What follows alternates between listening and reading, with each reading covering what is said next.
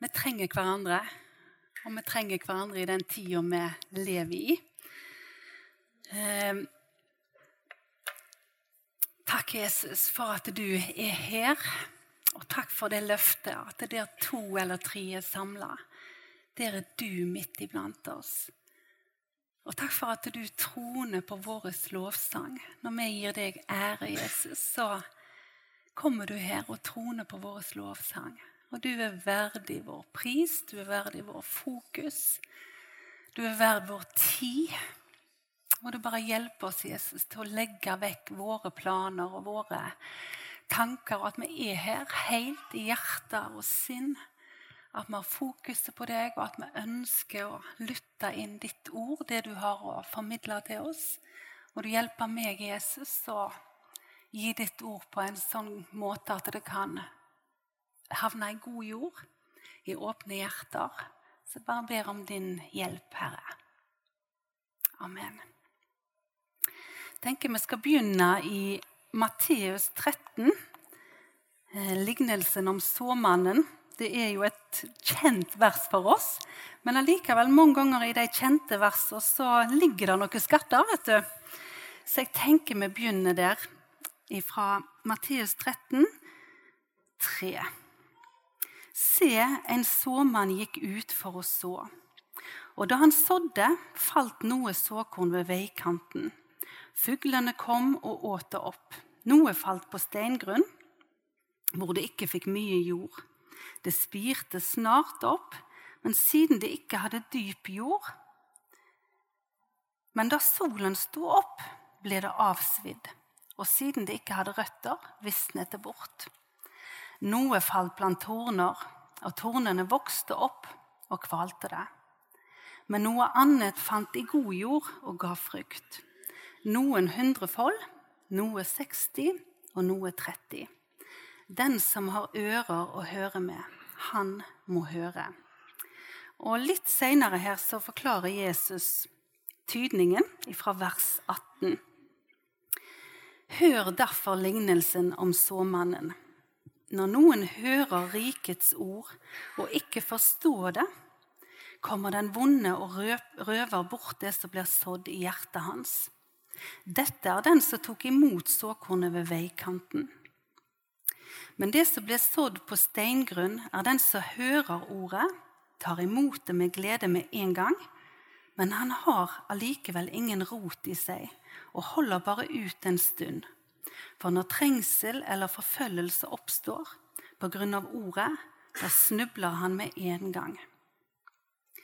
Det som blir sådd blant tornene, er den som hører ordet, men denne verdens bekymringer og rikdommens forførelse kveler ordet, og han blir uten frukt. Men det som blir sådd i god jord, er den som hører ordet og forstår det. Han bærer frukt og gir avkastning. En hundrefold, en 60 og en 30. Jesus sine ord de er like aktuelle i dag. Og jeg tenker at Spesielt de tre første punktene i forklaringen til Jesus tror jeg vi alle kan kjenne oss igjen i. På en eller annen måte. Dette med å ikke forstå ordet. Det kan gjelde de som ikke ennå kjenner Gud. At de er i en eller annen setting, ordet blir forkynt, men de har ingen forståelse, så det, vil ikke slå rot. Men det kan òg være at vi leser noe og ikke tar oss tid til å grunne på ordet. Ikke tar oss tid til at Jesus får åpenbare hva betyr det for deg i dag. Har det en dypere betydning? Vil jeg si deg noe mer? Ofte så skummer vi bare gjennom, og så tar vi ikke den tida til å grunne på ordet og være i ordet. Og så mister vi det like fort som vi har hørt det. Det går inn her og ut der. Konsentrasjonen vår. Og så har vi dette med forfølgelse.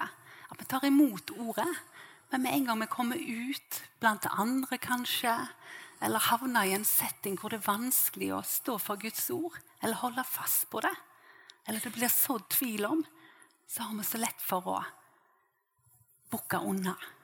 Og vi har vel alle vært der, hvis vi skal være helt ærlige. Og så har du den tredje kategorien, hvor denne verdens bekymringer, denne verdens jag etter rikdom, materialistiske ting, kveler ordet. Vi vet hva ordet sier, men allikevel så roper omstendighetene våre så høyt at vi glemmer det like fort. Hvor fort det er å havne der. Og jeg tenker det gjelder oss alle. Så Jesus sine ord er like aktuelle i dag. Det taler til oss.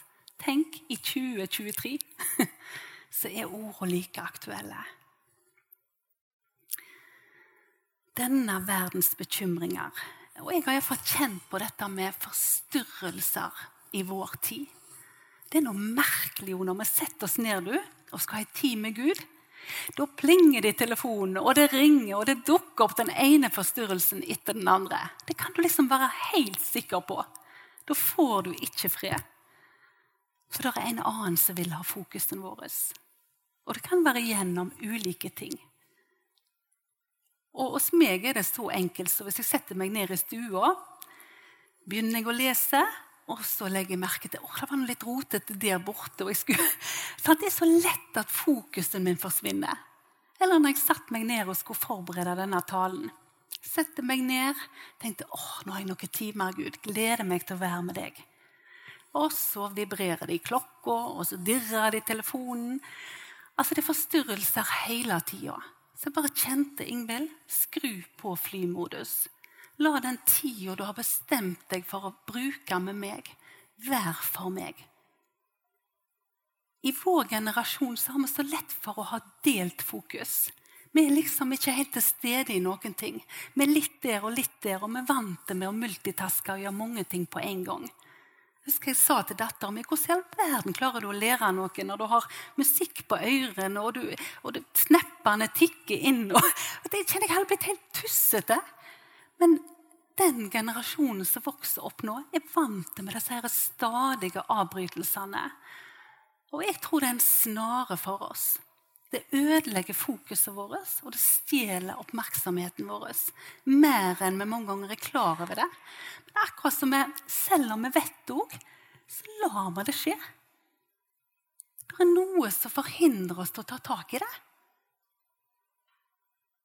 Og jeg tror det stjeler mer kraft og energi ut av vårt liv enn det vi er klar over. Iallfall har jeg tenkt en del på det i det siste. Hvorfor er det så mange som er slitne, kraftløse? At vi bare kjenner en sånn avmakt. Ja, det fins ei avmaktsånd. Det står tydelig i Guds ord at vi har ikke fått avmaktsånd. Vi har fått sindighet og fred og gledesånd. Men det er noe som vil prøve å trykke oss ned og, og gjøre oss litt sånn motløse. Eller ja, vi synker litt i sammen. Vi mister vår kraft. Og vi trenger å finne tilbake igjen til det stedet hvor Gud får nå inn til oss. Virkelig. For jeg tror mange ganger når vi tenker at vi er stille, så er vi ikke helt stille. Vi har ofte noe på ørene. Eller vi leser, eller vi opptar tanken vår. Vi låner øynene våre til TV, sosiale medier. Og så tror vi at vi er stille, vi slapper av. Men vi gjør egentlig ikke det. For fokuset vårt og sinnet vårt er ikke okkupert hele tida. Og da blir det vanskelig for Gud å tale til oss. Vi ser jo tydelig Jesu eksempel. Han som var Guds sønn. Han som visste Guds natur, kjente han bedre enn noe. Han måtte gå avsides med Gud for å få tak i hva Gud hadde å si til ham. Og vi er kalt å følge hans eksempel. Kom avsides med meg. Han ønsker jo å tale til oss, men når vi har alle disse her forstyrrende greiene som flyter rundt oss, og det kan være bekymringer, det kan være ulike ting Du vet hva som opptar din tanke. Men jeg tror det er viktig å avsløre det. At når jeg er stille, Gud, hjelp meg å skru den mobilen på flymodus. Eller hjelp meg å sette meg en plass der det ikke kommer eksterne forstyrrelser. For meg var det mange år bilen. Det var mitt alter, det var mitt fjell. Hvor jeg kjørte en plass, egentlig en litt øde plass hvor det ikke skjedde så mye. For da slapp øynene mine å bli opptatt med noe. At Gud, nå er jeg her. Nå har jeg satt av denne timen til deg. Eller halvtimen eller kvarter eller hva det måtte være. Men kom avsides, for du har en pappa som ønsker fellesskap med deg. Og relasjonen med Gud det er jo en relasjon. Det er en personlig relasjon. Og hvis vi skal bli skikkelig kjent med noen, og de med oss, så trenger vi å være sammen.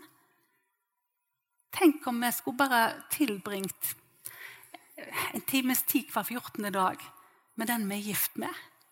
Det hadde ikke blitt så veldig intimt og godt. Det hadde blitt et ganske rart forhold. Og Gud ønsker et intimt forhold. Han sammenligner oss eh, med brudgommen og bruda. Han bruker bruda som benevnelse på oss som er hans. Det er relasjonen han ønsker å ha med oss. Så kan iallfall jeg bare kjenne etter i mitt liv. Har jeg den relasjonen med Gud? Har jeg en så tett relasjon med Gud som brudgommen har med bruda si? Du kan kjenne etter i ditt liv. Eller svinger vi innom når vi trenger noe, eller Det er så lett at bønnelivet vårt blir når vi trenger hjelp. Men han ønsker først og fremst vår kjennskap. I Johannes 14 så står det 'Bli i meg, så blir jeg i dere'. Han vet at uten vi blir i han, så kan vi ikke gjøre noen ting. Da blir det iallfall egne gjerninger og eget strev. Og det er vi gode på, alle mann. Iallfall jeg befinner meg der stadig. Vet ikke hvordan det er med deg. Jeg hørte en historie. Det var en, en mann eh, som skulle se på en oppvisning som dattera hadde. Og Han gledde seg og hadde det litt travelt da. Vi kan jo kjenne oss litt igjen der, litt i siste liten. Så han glemte mobilen. Eh, og Han satt og fulgte med, og så merka han seg noe litt spesielt som ikke han hadde lagt merke til før. At sånn ca. annethvert minutt så kikket dattera opp for å møte blikket hans. Dette var noe løy hun skulle kikke etter meg så ofte, liksom. Men han, og når hun så han, så var det ned igjen og, og turna videre. Og, sant? Men opp med blikket og kikket om faren så henne. Og Så hadde han sittet der en stund og så var litt sånn frustrert over at han hadde glemt mobilen. For han hadde jo tenkt å filme og snappe og på en måte dokumentere. Og, sant? Eh, men så kikket han rundt på alle de andre foreldrene som satt der. Og det var ikke så mange blikk som hadde blikket opp fra mobilen. Det var mange som satt der.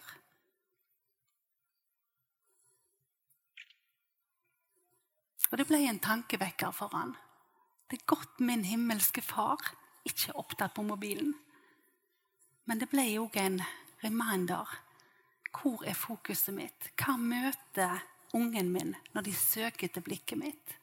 Og Jeg tror det er en vekker for oss i dag. Iallfall gjorde det noe med meg når jeg leste det. Eh, og Avana, det opplegget vi har i søndagsskolen, de hadde gjort en undersøkelse i Amerika.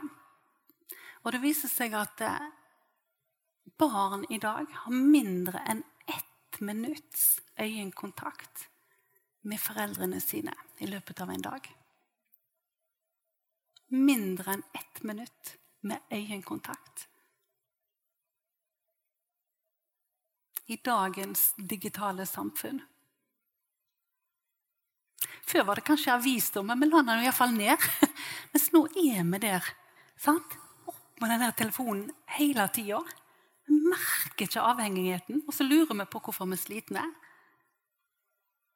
Eller hvorfor kommunikasjonen kanskje ikke er helt på G. Jeg utfordrer deg til å legge merke til hvor mange ganger i løpet av en dag du tar etter telefonen. Det er ikke få.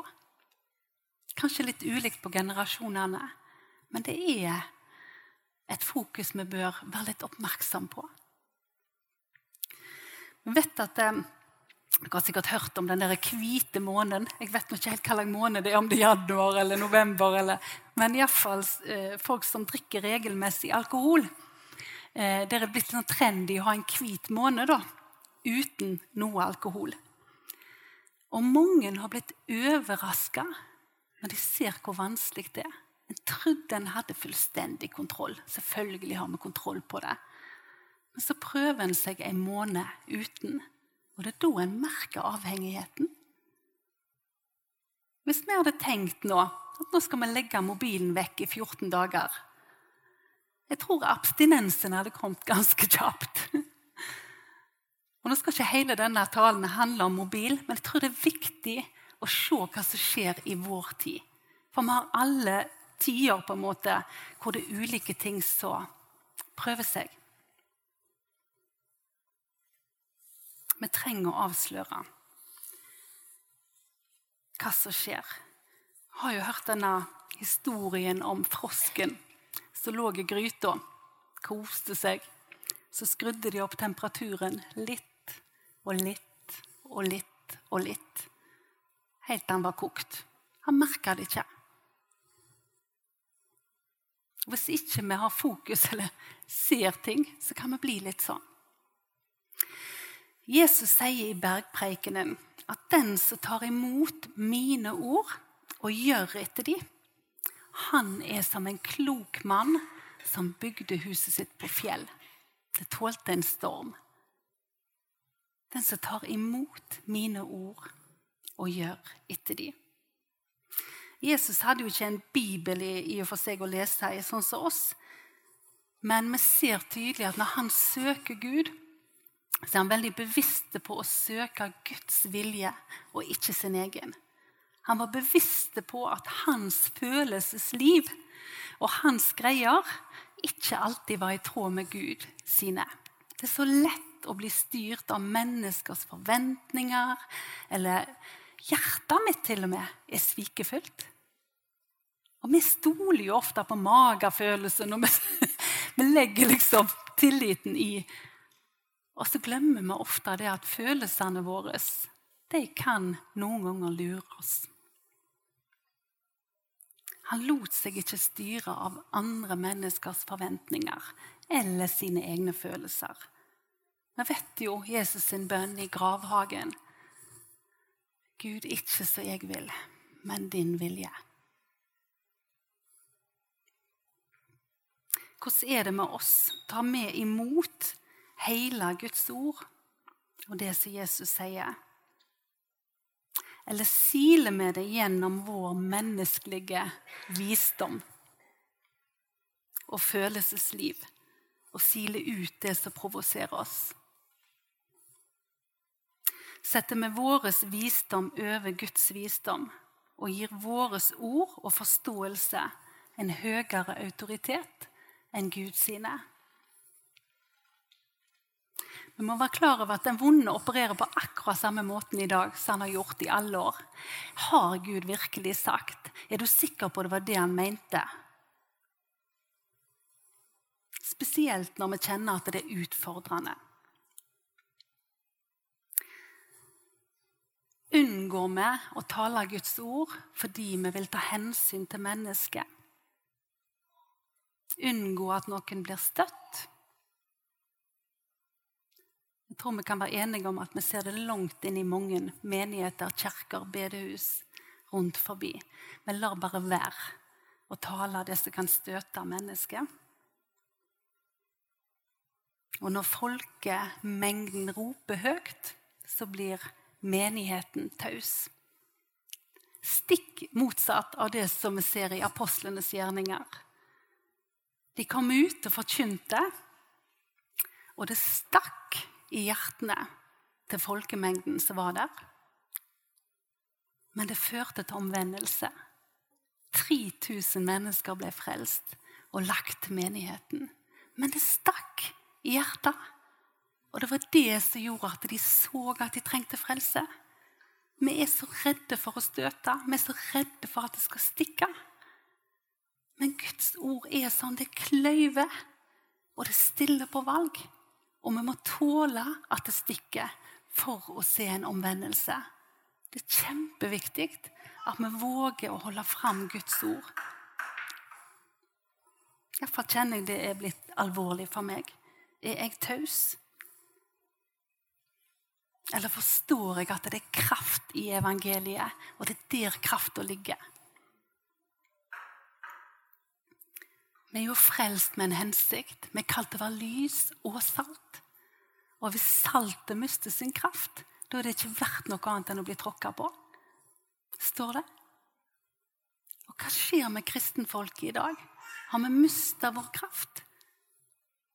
Ja, da blir vi tråkka på.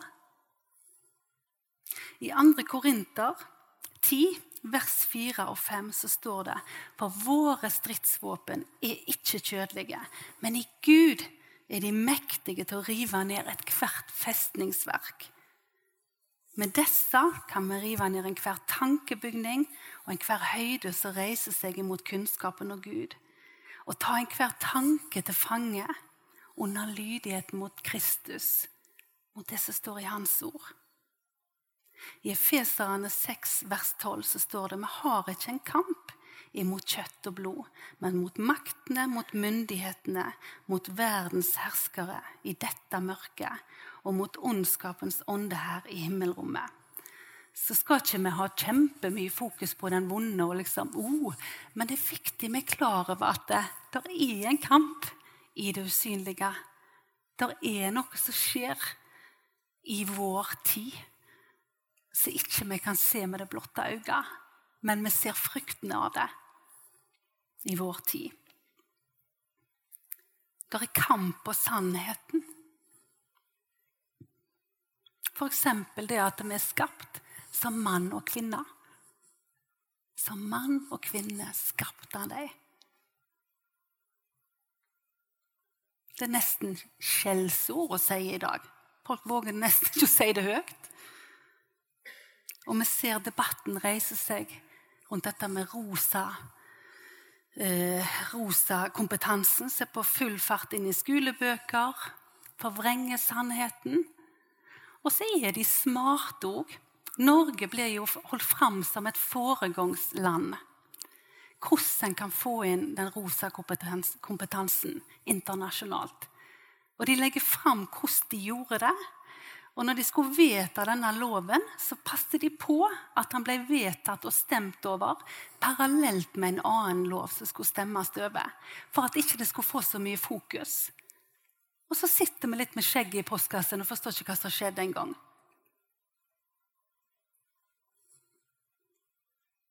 Og jeg håper vi er modige nok til å løfte vår røst når vi nå ser hva som står i lærebøkene, og kommer til å stå der. For det er kommet.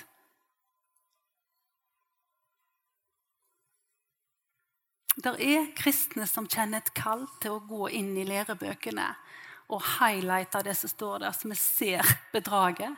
Men da er det viktig vi støtter det. Det er viktig vi våger å løfte vår røst.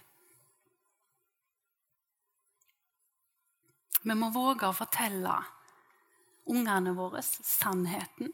Vi må våge å fortelle dem hva som står i Guds ord. Hvis ikke vi forteller, da er det faktisk ingen som kommer til å gjøre det. Og vi må forklare. Hvorfor er det sånn?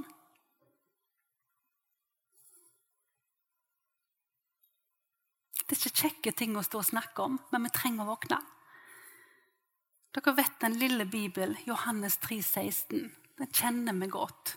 For så høyt har Gud elska verden. For at hver den som tror på Han, ikke skal gå fortapt, men ha evig liv. Og nå vil de ordne den, for at det fortapt kan jo støte noen. Så det skal tas vekk. Ser dere? Da tas jo evangeliet, brodden i evangeliet, vekk. Hele kraften i Jesu døde oppstandelse, fortapelsen og himmelen. Vi trenger å se det. Jeg fikk et litt alvorlig ord, men jeg kjenner jeg skal lese det. Fra Johannes' åpenbaring. Det er ikke så ofte jeg er der.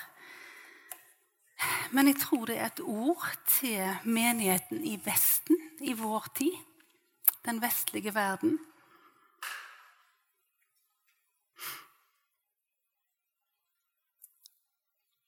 Og skriv til engelen for menigheten i Sardes. Dette sier han som har de sju Guds ånder og de sju stjernene. Jeg vet om gjerningene dine, at du har navn av å leve, men du er død.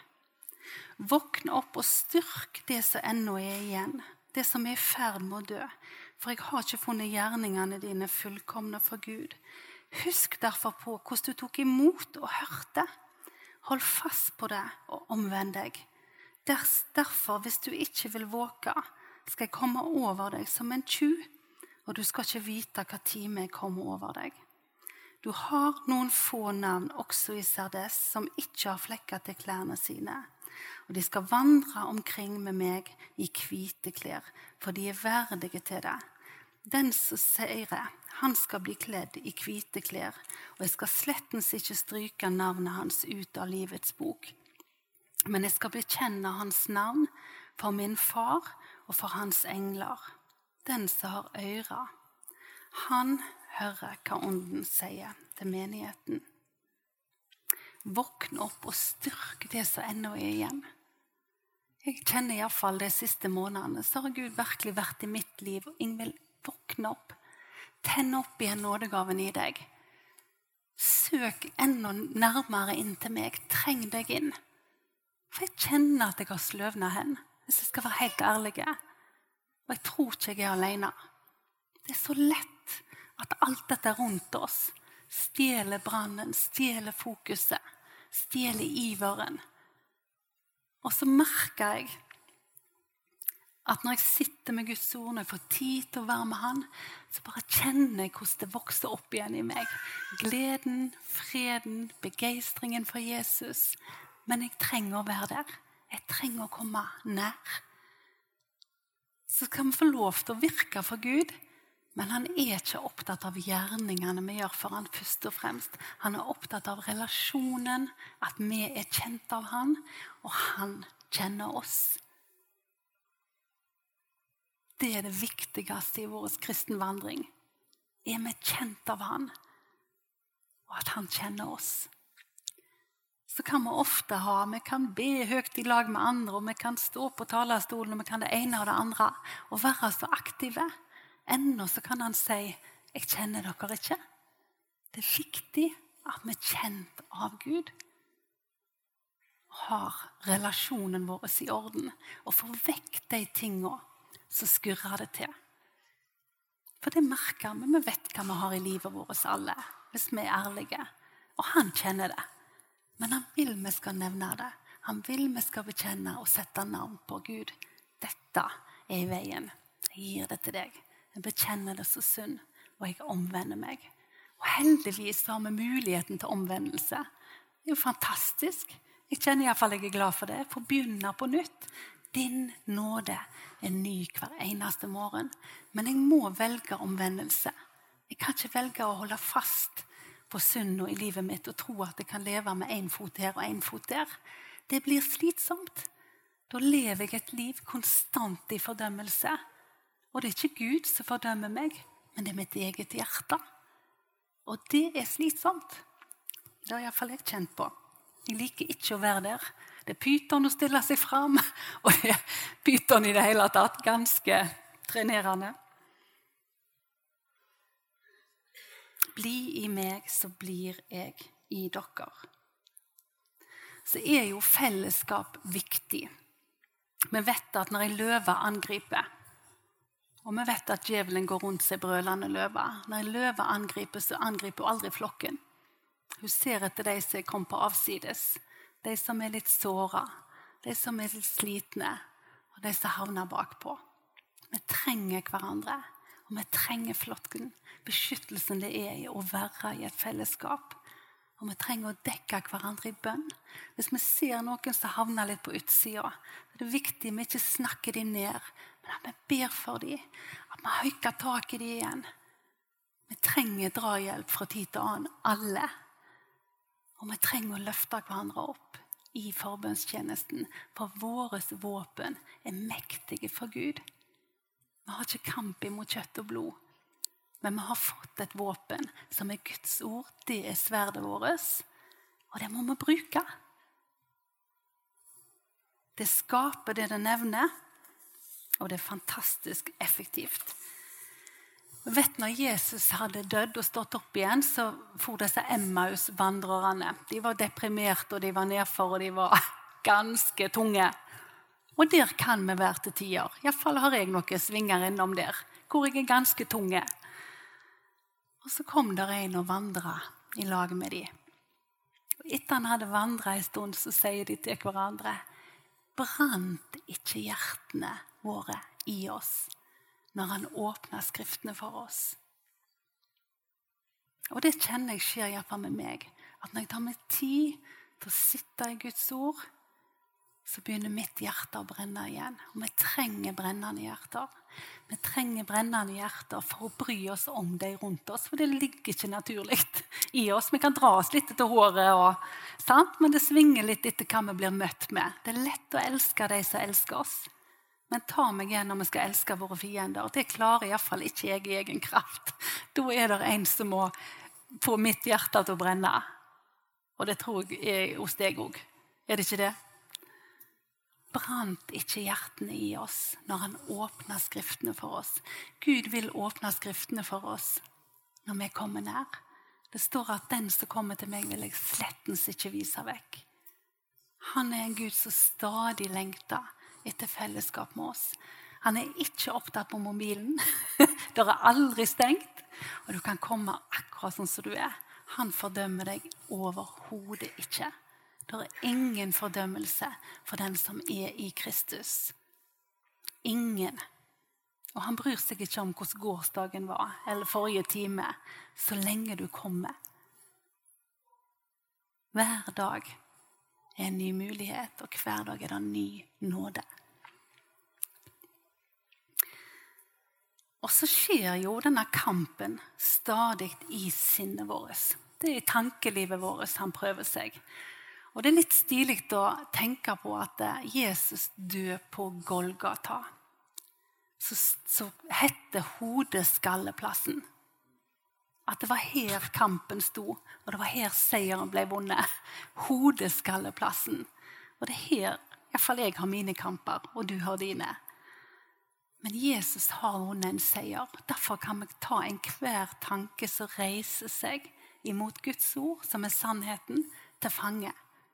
Og Det var noen år i mitt liv hvor jeg måtte tale det høyt ut over mitt liv og tankelivet mitt i mange år. Nei, Jesus, nå hører jeg tankene mine feil. De er ikke i tråd med ditt ord. For jeg hadde masse feil tanker om meg sjøl, og har det til tider ennå. Eller om andre.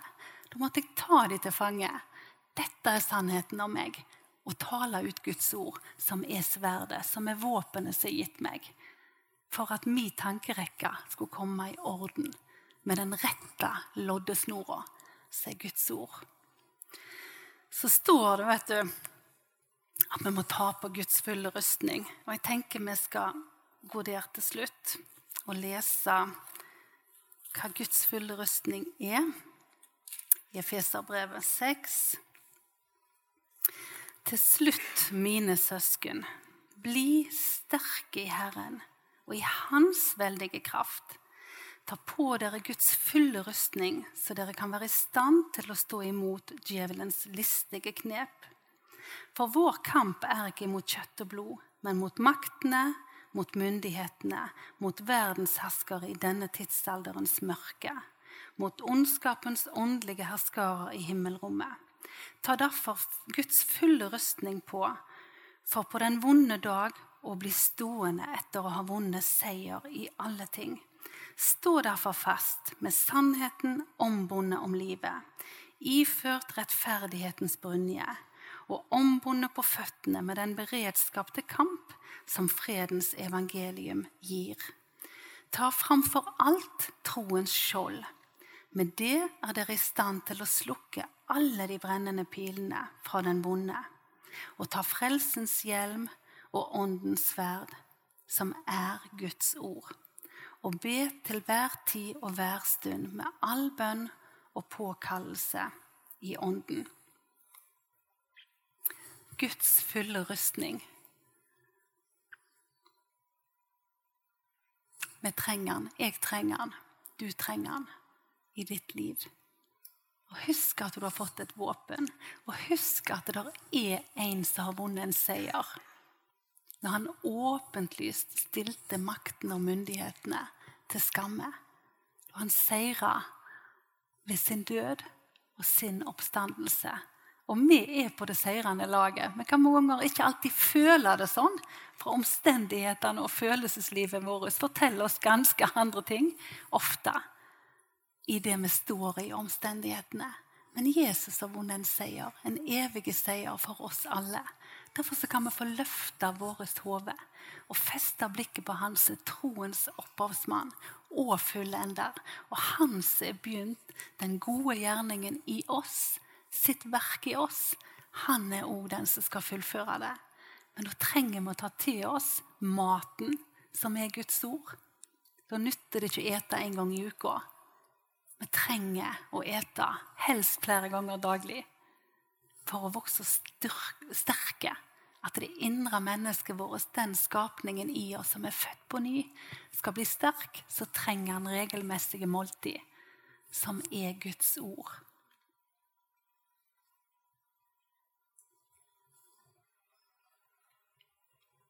Takk, Jesus, for ditt ord. Og jeg bare takker deg for flokken som er her, Herre. Og takk for at eh, de som du elsker, de tykter du òg, og det er et tegn på at vi er ekte. Vi er ekte barn som du vil verne når du ser at ting skurrer i vårt liv. Da ønsker du å justere oss, da ønsker du å gi oss veiledning, sånn at vi kan gå på den rette sti. For det står at smal er den veien som fører til det evige livet. Og takk for at vi kan få lov til å gå på den, Herre. Og takk for at vi skal få lov til å gå på den med din hjelp. Takk for at du gir oss råd med ditt øye når vi lytter til din røst, Herre. Når vi søker inn i fellesskapet, leser i ditt ord. Og jeg bare ber Jesus at denne våren og denne tida som ligger foran oss, at du virkelig må åpne ordet ditt for oss. Sånn at vi forstår hva vi leser. At vi kan kjenne at det gir mat til vårt indre menneske, Herre. At vi kan kjenne at vi vokser og blir styrka i troa på deg. Styrka i den vi er i deg, Herre. Og at vi kan få lov til å se mer av det du har kalt oss til. Og at frimodigheten vår må vokse, sånn at vi våger å gå i det du har kalt oss til. Må du òg gi oss kraft til å omvende oss og ydmykhet i hjertet til å erkjenne feil og endre retning, Herre. Så vi takker for ditt ord, som ikke alltid stryker oss på kinnet, men noen ganger utfordrer oss, Herre. Hjelp oss å ta imot når du taler til oss, Herre. Takk, Herre. Nå skal vi ha eh, ei tid med lovprisning. Eh, og da er det noen bønnestasjoner bak her. Det er òg forbønn rett bak eh, skilleveggen her. Jeg kommer til å være der og flere. Hvis budskapet jeg har delt i dag, traff deg, gjorde noe med deg, så vil jeg utfordre deg på å handle på det. Og Noen ganger trenger vi å omvende oss. Noen ganger trenger vi å bekjenne syndene for hverandre, så vi kan bli lekt. Gud vet hva som er i ditt hjerte. Men jeg tenker for at det skal bli lettere å gå bak og bevege seg, så reiser vi oss, og så leder du Simen oss eh, og gjengen i lovsang. Eh, og så benytter vi muligheten. Nå kan vi få lov til å be for og med hverandre. Amen.